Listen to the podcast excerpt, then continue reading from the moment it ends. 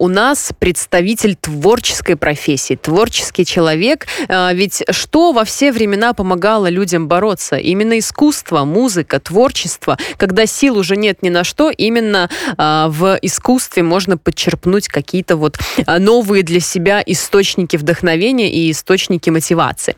Эдуард, добрый вечер. Добрый вечер, Анастасия. Добрый вечер, Роман. А расскажите для начала, как вообще так оказалось, что вы сейчас находитесь в Польше? Эм, ну, начать, наверное, нужно с того, что эм, я э, имею к Польше непосредственное отношение в том, что у меня есть польские корни. Э, я родился в Беларуси, но э, мои предки жили в Польше, прабабушки и прадедушки. И у меня была карта поляка, и много лет назад я уехал в Польшу в поисках лучшей жизни. Вот. Ну и, в принципе, нашел.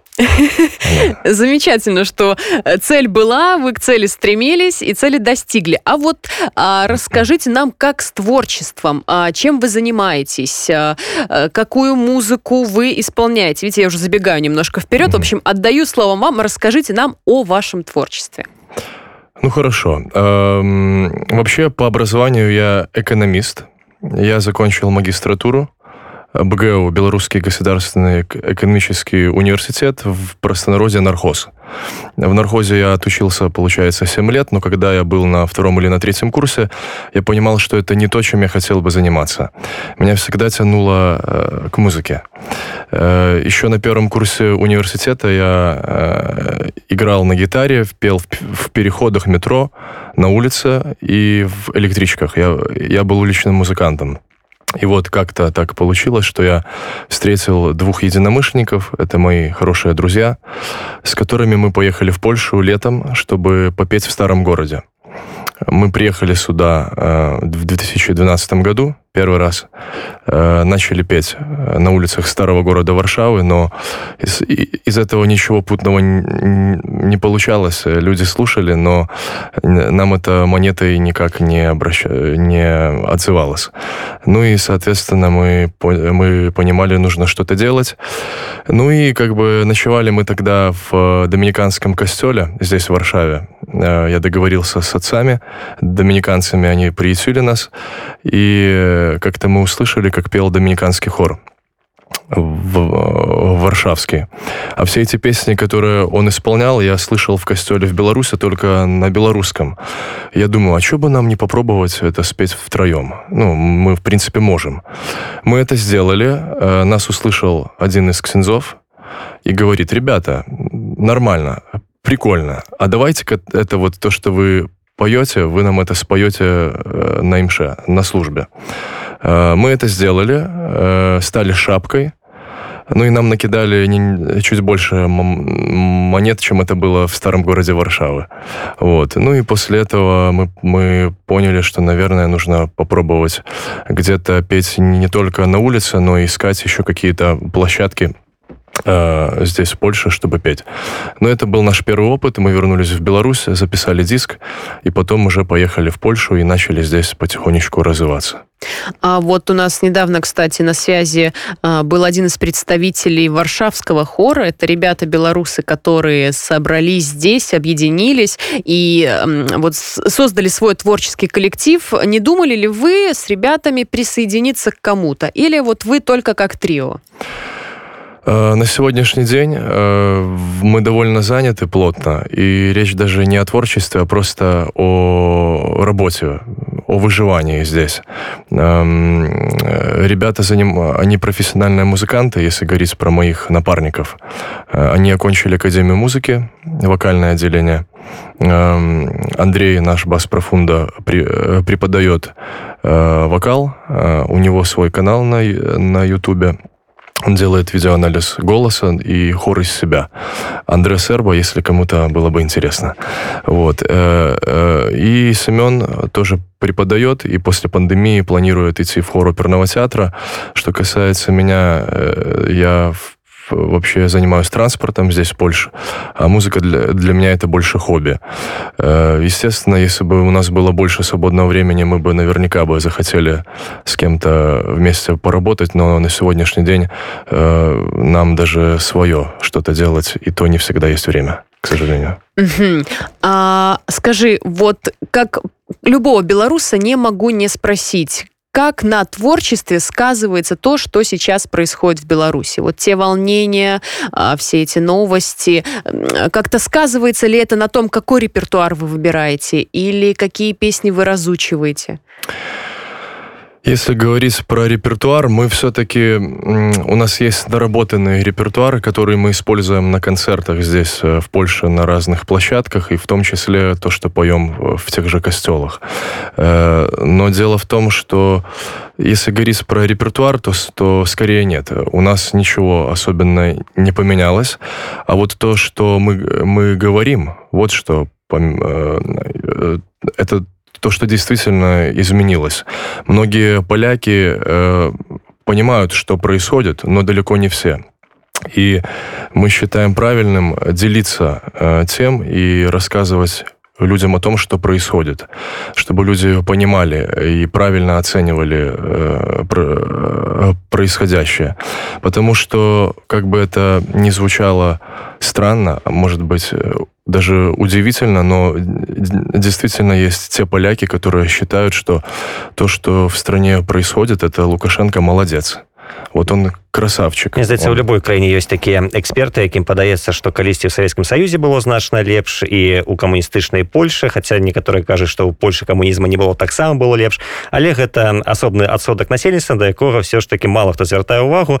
Але яны ёсць і гэта трэба прыняць таксама як у Беларусі ёсць там тры адсоткі тых хто падтрымлівае тое што адбываецца А я хацеў бы яшчэ запытаць а на якой мове вы камунікуеце на якой мове вы даносіце сваю пазіцыю на польском языке на польском. И спевы так само? Э, да. Ну, вообще, раньше мы пели на, на белорусском, только э, на белорусском. Когда мы в Польше уже осели, мы начали расширять наш репертуар и в большей степени петь на польском, потому что многие поляки хотели бы понимать то, о чем мы поем, они понимают, потому что белорусский все-таки отличается. Но на сегодняшний день мы поем на белорусском и на польском. Вот.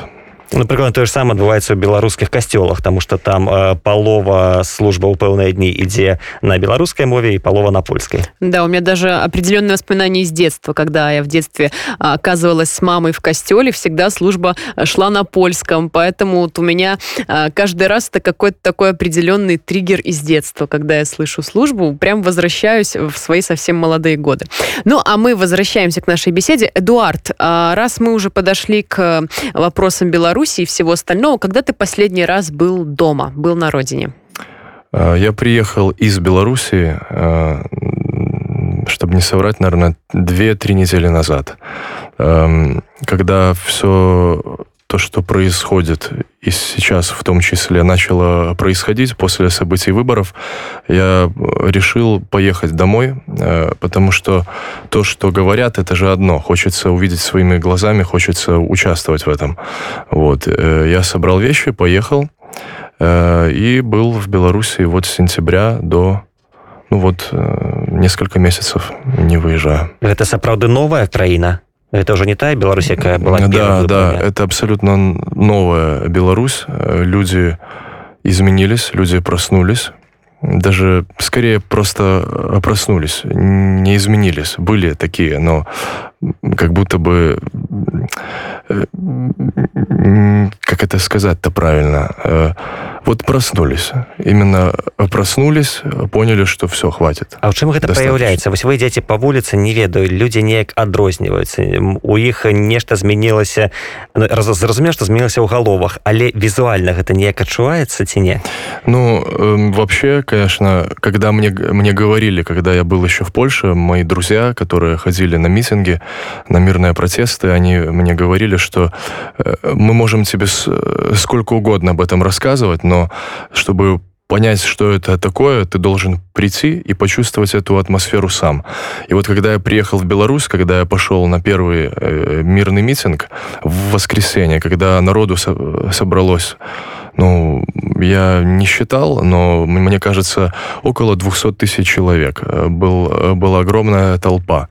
И все эти люди шли с одной мыслью, с одним посылом энергетика то, как э, люди себя вели. Меня очень удивило то, что, несмотря на то, что людей было очень много, но не было таких, которые э, ломали, крошили, э, творили бесчинство. Я таких не увидел. Дарэчы, есть нават такі вядомы мем, дзе беларусы падчас маршу пратэсту становятся на лаўку, пры гэтым здымаюць боты і стаяць у шкарпэтках. Да, да, да, Вось да. гэта все, што трэба ведаць пра беларускі пратэст. Ён такі высокакультурны. Ну нацыя мы такая, мы да. не можем иначе. И мусор за собой убирают. Прям сплошное, э, сплошная радость, а не протест. Вот такие протесты можно приглашать во многие города, чтобы э, после таких протестов э, осталась чистота, порядок и красота вокруг. А еще так само, ці адчуваецца вось гэтая салідарнасць вот мне здаецца з таго што я чытаю я давно ўжо на жаль не быў у беларусе але я чытаю што калі людзі збіраюцца там э, нешта падобнае на то што было калісьці ў Польше калі э, палякі вырашылі зрынуць камунізм калі вельмі добра ў гэтым плане дапамагаў э, папа рымскія і у іх была мэта у беларусаў таксама зараз ёсць мэта. І але каб была мэта таксама трэба каб была э, нейкая дапамога адно ад аднаго. Там што раней все памятаюць калі былі нейкія мітынгі калі было там напрыклад неволі э, кагосьці затрымалі все разбегліся. Зараз э, на відэа бачна што людзі не даюць затрымліваць адзін аднаго. Людзі адбіваюць пенсіянераў. Э, жанчыны адбіваюць маладых людзей. Вось Беларусь рэальна прасякнутая гэтай салідарнасцю цяпер? у Да, более чем. Э, чтобы вы понимали, я когда шел в первом митинге, я вот шел, и где-то там э, вдоль тротуара стоял дедушка э, с орденами. Ему лет, ну, не знаю, около 80, я так полагаю. И вот он, даже он понимал, что происходит, показывал нам, э, по-моему, козу даже, ну, такой дед именно максимально эм, про, проникшийся тем, что происходит.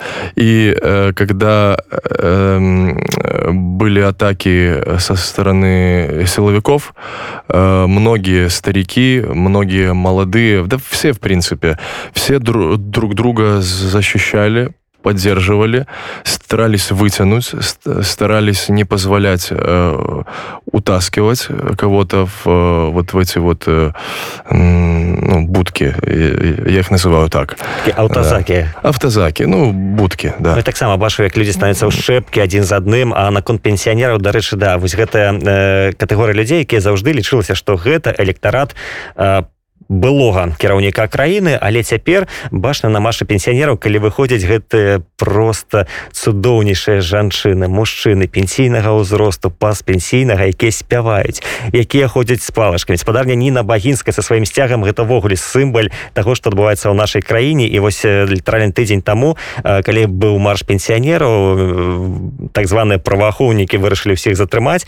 Ну і што затрымалі 80 бабуль дзедуль і адправілі іх кудысьці дзесьці іх трымалі невядома якім месцы закрытым. Да і гэта было вельмі жудасна 80 чалавек знікла ніхто іх не мог знайсці. А пасля апынуліся што все гэтыя цудоўныя бабулі з дзедулямі просто сядзелі ў замкнутай прасторы і спявалі песні. Пры гэтым нацыянальныя песні і яны пасля калі выйшлі сказалі а нам так было прасцей. Нам мы дзякуючы гэтаму просто трымаліся разам і мы разумелі што што яны з намі зробяць. Людзі перасталі баяцца. Мне здаецца вось мы беларусы заўжды чагосьці баяліся. Баяліся перайсці не нейкі момант зрабіць нейкі крок наперада сваёй будучыні. А зараз гэта робяць не толькі студэнты не толькі медыкі гэта робяць пенсіянеры. І мне здаецца что такая Беларусь гэта нешта новае і то чаго мы ніколі не бачылі але тое что пабудуе нашу новую краіну. Ці згодная вы з гэтым Да, да, да, я с этим полностью согласен.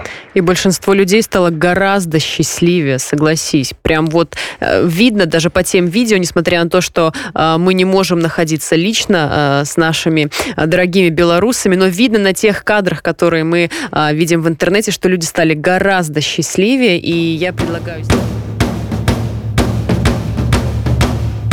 Живе, Беларусь! А мы возвращаемся к а, нашей беседе. И вот, Эдуард, хочу тебя спросить как творческого человека, а, как тебе а, тот а, просто огромный поток музыки, которая сейчас начинает а, хлестать со всех сторон, огромное количество молодых исполнителей а, белорусских, которых мы раньше не слышали, каждый день выпускают новые и новые песни. И вот как ты думаешь, куда, куда нас этот поток вынесет? Ну, если он нас куда-то и вынесет, то только в хорошее русло, явно же. Э, я не буду лукавить, я особо мало кого слышал, даже из того, что новое выходит. Это связано просто с тем, что, э, ну, как, наверное, у многих музыкантов эм, мы, мы заняты своим, и иногда сложно найти время, чтобы послушать что-то еще. Э, это, это связано именно с отсутствием вот э, времени и возможности.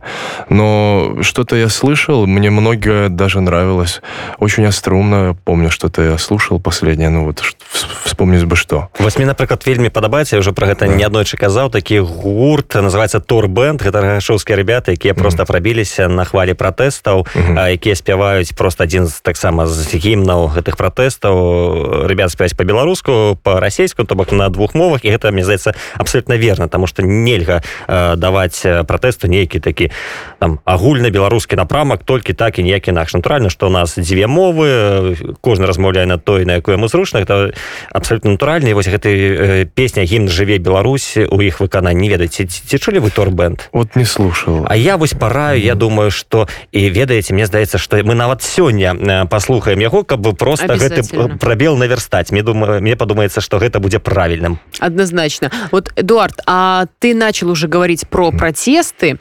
И раз мы говорим про протесты и про музыку звучала ли какая-то музыка непосредственно на маршах Ну, конечно, да. Э, вообще, э, во многих частях колонны, колонна-то большая была, по крайней мере, те воскресенья первые после событий эм, э, выборов было очень много людей, и на этих протестах были ребята, которые шли с колонками, и в основном, конечно, включали Ляписа. Это были разные его композиции, ну, в основном, конечно, самые, самые известные. Вот «Грай» можно слышать было, я думаю, по несколько раз даже во время э, движения. Но опять-таки э, все протестные песни, э, конкретно вот тот, тот же ляпис, он, он звучал из автомобилей. Ведь, ну, вы наверняка в курсе, кроме того, что те, кто шли, мы когда шли, нас поддерживали очень. Поддерживали автомобилисты, те, кто были за рулем. Они поддерживали э, клаксонами, э, они поддерживали э, той музыкой, которая играла из их колонок. Ну и опять-таки, не знаю, может вы тоже слышали об этом, была такая штука, что те, у кого перегорали клаксоны, могли бесплатно абсолютно на некоторых СТО их поменять да. Да дарэчы былі нават такія абвесткі што мы гатовы а таксама не толькі клаксоны яшчэ былі такія моманты калі э, сілавікі псеўда нападалі на машины збівалі людзей там і аўтамабілістаў выцягвалі і забіралі іх машины то ребята просто пісалі што вы правазіце машину на наше СТО і мы яе наладзім абсалютна бесплатно вы толькі заплаце за матэрыялы ну то бок так таксама пра што мы размаўлялі такая беларуская салідарнасць таксама яшчэ адна з песень якая стала таксама таксама сімбалем тых зменаў гэта беларусы зноў аднавілі ў сваёй памяці Віктора Цоя. І вось песня да, перамен да. якая стала гучаць абсалютна адусюль э, просто таксама стала адным з сімбаляў таго што адбываецца ў нашай краіне. Так што людзі рэальна захацелі перамен і мне здаецца што хутка цой можа ўвайсці ў чорны спіс беларускіх музыкаў. Памяці як у некаторы час там гадоў 5 таму быў гэты спіс людзей якіх не дапускалі. Мне здаецца што цяпер калі будуць калі руки дойдуць хаця спадзяюся у іх ужо не дойдуць руки бо улада зменіцца цой стане сімбалем песня свая стае сімбалем беларусі а мы ніколі не будем чуць про так званые чорные спісы Ну и «Три черепахи». Это, наверное, тоже одна из тех песен, которая уже многие-многие долгие годы, э, знаешь, как тихо так, незаметно, многие года, но ее знал каждый белорус. Обязательно все, сюрпризов не будет, каждый повторял на любом празднике, вот я помню себя студенткой, на любом празднике студенческом обязательно все студенты всегда эту песню пели, и с полным воодушевлением, а вот сейчас эта песня э, тоже одна из таких песен, которую знают все и которую все с удовольствием э, исполняют. Хорошо, Эдуард, давай вернемся немного к тебе и э, вернемся к творческим планам. Расскажи, какие у вас на нынешнее время творческие планы? Эм, ну, я могу говорить о том, что уже запланировано, да, э, э, это нам и повезло, и, наверное, в какой-то мере сыграло то, что мы давно этим занимаемся, но у нас э, в Польше на празднике очень много работы. Э, Рождество 25, 26, 27 мы работаем, поем, э, будем петь в костелах будем петь колядки. Вот. И, в, и в новогоднюю ночь тоже мы будем петь. Ну, не в саму ночь, а с утра, начиная первого числа. Ну и вообще вот все праздничные дни и, вос, и выходные дни, ближайшие несколько недель у нас полностью заняты. Вот. А коронавирус как-то сказывается вот на праздничных выступлениях? Отсутствие... Сказывается, конечно. Если говорить про выступления э, на сцене, на фестивалях или где где-то конкретные концерты какие-то, с этим сложно. Все поотменялось, ну, тут даже оперы нету сейчас, все, все закрыто. А, но костелы как бы работают, люди ходят, и, и я так понимаю, что я даже это вижу и чувствую. Люди очень устали уже от того, что происходит. Долгое время одно и то же.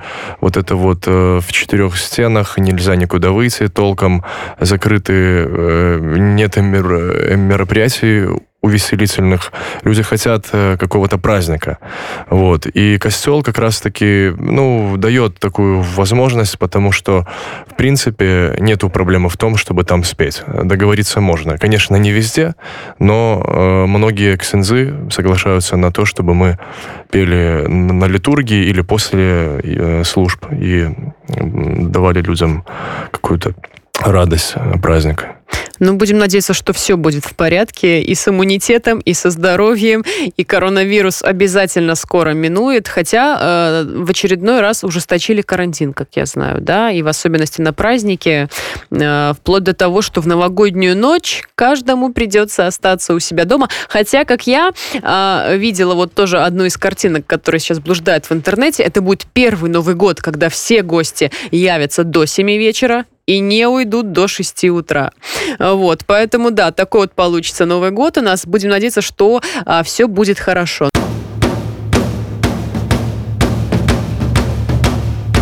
Живе, Беларусь! А мы продолжаем нашу беседу а, с Эдуардом Орловским. Эдуард, расскажи, а, какой репертуар нам необходимо выучить к Новому году и к, вообще к праздникам? Ну, учить, э, собственно, я бы ничего и не говорил, что, что обязательно учить что-то. Это не обязательно. Но вообще, конечно, колядочки можно было бы попеть, да. А есть какой-то вот определенный список этих колядок, которые вот, э, знаешь, такие э, вечные хиты, вот, которые на, на, на каждый Новый год, на каждое Рождество всегда вот зайдут, чтобы, знаешь, сразу выучить и все, и каждый год их исполнять. Ну, у меня, мне, мне в голову приходят только две колядки. «Тихая ночь» Тихоноц, да, и «Гдысь лично панна». Это вот э, те две, которые поют во всех э, и костелах, и на улицах, и хоры поют. Я вижу, Роман, вы несколько удивлены.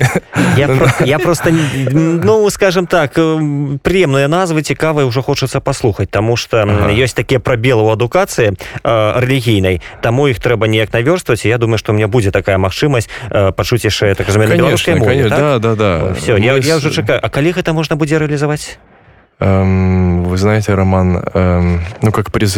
как позовете, ну, э, мы всегда рады. Кстати, э, вот пока э, думаем сейчас, да, над датой, сейчас вот мы решим буквально за минутку. Хочу сказать тебе, Роман, что э, ты наверняка и одну, и другую колядку сто процентов слышал не один раз, потому что они поются по всему миру и на разных языках, поэтому э, их можно услышать и в американских фильмах, и на белорусском языке, и в польском костеле, в общем, где-где-где, э, везде эти э, песни можно услышать. Я ну, спадзяюся, что мы э, пачуем гэтыя песні напрыклад на наступным тыдні. Калі мы вас запросім на наступным тыдні у любую дату мы яшчэ можемм абумовіць гэта так асобна і вы для нас спяеце на беларускай мове можа таксама і на польскай. Але перадусім каб я зразумеў хацелася б на нечым такім родным матыве і вы бы гэта ўсё для нас рэалізавалі у эфіры. Ці можна было б дамовіцца з вами таким чынам Роман, вот специально ради вас. Я нават вывучу, я вывучу и буду записывать все, все слова, потому что я покуль только ведаю калядую, калядую колбасу и салашу. Я только не ведаю, это относится до калядок ці Ну, это первая ассоциация, я думаю, что она далека. Чему бы, да? Почему бы и нет? Так что не так все кепско у меня. Так что если у вас Сало есть... это вкусно, да, коляда. И колбаса, надо, да. рифма. Все сходится. Все замечательно. Значит, «Тихая ночь» и вот «Колядка романа». Вот эти две мы обязательно в следующий раз выучим. А скажите наших слушателей, если э, человек не знает нот, э, не умеет учить по нотам, как ему выучить эти колядки? Душой. Надо просто просто петь. Я считаю как, музыка, она для всех.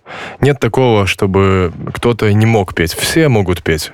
Все, кому хочется, кому очень хорошо или, может быть, грустно. Надо садиться и петь. Гэта мы просто не шулі, вопрос... мы спяваем то бок я ладно будем шчырымі тому что ёсць тыя людзі якія спяваюць і прыемна гэта чуць а ёсць ты для каго гэта душевное терзание.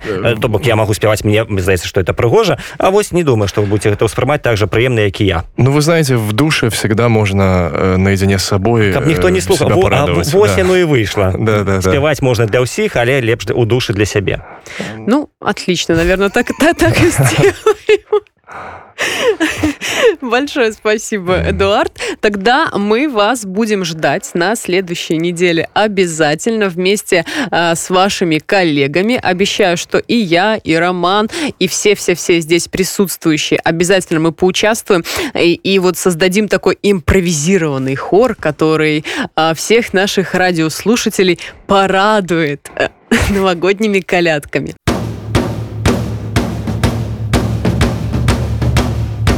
Жыве, Беларусь!